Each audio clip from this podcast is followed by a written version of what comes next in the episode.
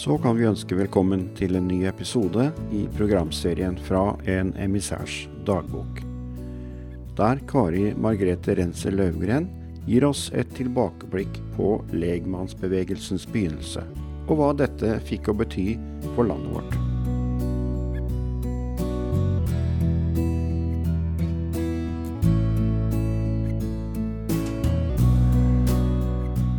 Etter å ha kommet vel i hus, var det for emissæren å forberede seg til møtet og talen, få et ord og arbeide med ordet, som far kalte det.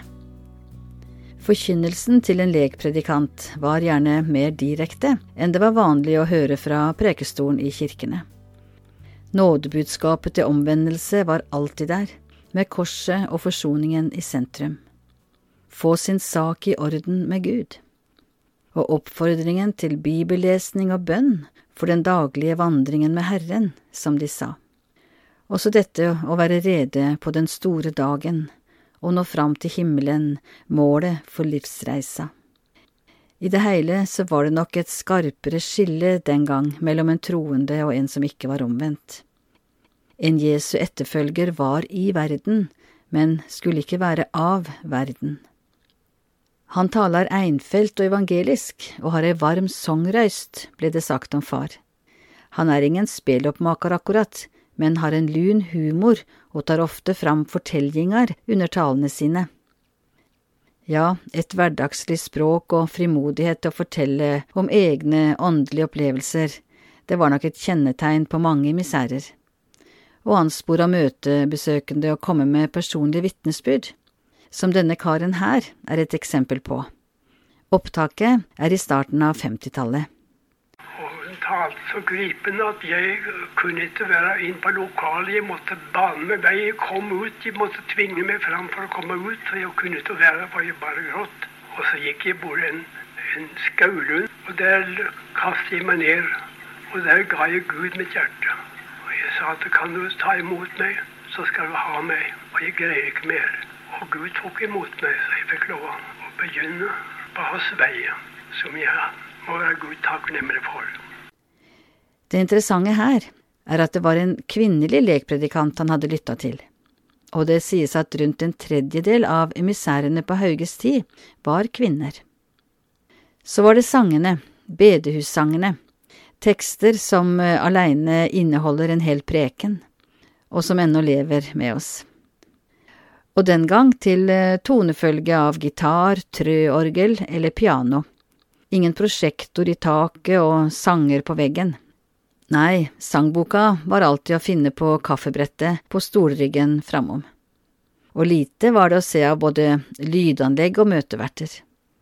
Men Jesusbildene på veggen var der, og banneret som eh, Mesteren er her og kaller på deg. De fleste samlingene var på bedehusene, som eh, det nå var rundt 3000 av i landet, men også i kirker, på skoler eller kommunehus, slik far har notert fra februar 1944. Heilt fylt med folk på Flå kommunehus, Guds ånd var der. På Stavn et gildt møte, seks stykker overgav seg til Gud.